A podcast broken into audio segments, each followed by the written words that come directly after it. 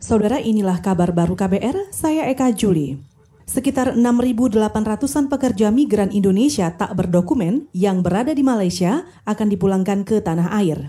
Pemulangan pekerja migran itu akan dilakukan bertahap karena jumlahnya ribuan. Menteri Ketenagakerjaan Ida Fauziah mengatakan, proses pemulangan menunggu pembahasan soal waktu dan teknis pemulangan.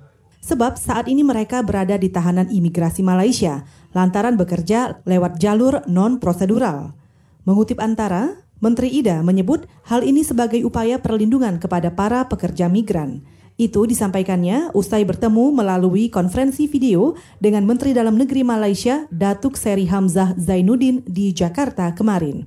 Menaker meminta Mendagri Malaysia menjaga para pekerja migran Indonesia sampai proses pemulangan terlaksana.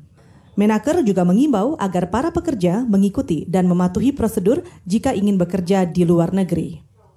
Saudara Kementerian Desa, Pembangunan Daerah Tertinggal dan Transmigrasi hari ini akan mengeluarkan aturan perpanjangan bantuan langsung tunai atau BLT Dana Desa tahap 2 untuk tiga bulan ke depan, yakni Juli, Agustus, dan September.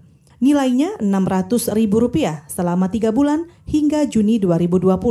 Kemudian tiga bulan berikutnya senilai Rp300.000. Ini disampaikan Menteri Desa Abdul Halim Iskandar saat konferensi pers virtual tentang penyaluran dana desa di Jakarta kemarin.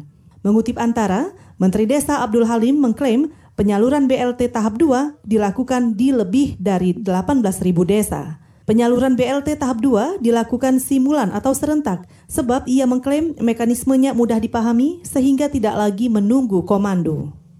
Saudara pembelajaran jarak jauh di zona merah dan kuning saat pandemi COVID-19 dinilai masih menyisakan banyak permasalahan.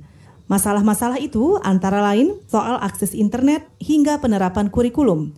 Karena itu, Wakil Sekretaris Jenderal Federasi Serikat Guru Indonesia atau FSGI, Fahriza Tanjung, mendesak Kemendikbud memperbaikinya ketimbang fokus ke pembelajaran di luar jaringan atau tatap muka. Nah di Makarim kemarin itu sepertinya kita terlalu fokus pa, uh, pada ini ya, pada pelaksanaan pembelajaran secara luring. Padahal sebenarnya pembelajaran secara daring ini juga masih menyisakan banyak masalah gitu, masih menyisakan banyak persoalan. Jumlahnya lebih banyak, sekitar 57 juta lebih itu. Nah ini konsekuensinya mereka harus belajar PJJ. Sementara kami juga pernah melakukan survei bahwa PJJ ini tidak efektif dilaksanakan.